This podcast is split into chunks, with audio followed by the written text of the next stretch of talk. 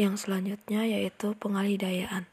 Pengalidayaan adalah upaya memperoleh barang dan jasa yang biasanya merupakan bagian suatu organisasi dari pemasok produk luar. Pengalidayaan atau outsourcing mengalihkan beberapa kegiatan dan sumber daya internal tradisional dari sebuah perusahaan ke vendor di luar perusahaan, membuatnya sedikit berbeda dari keputusan buat atau beli tradisional.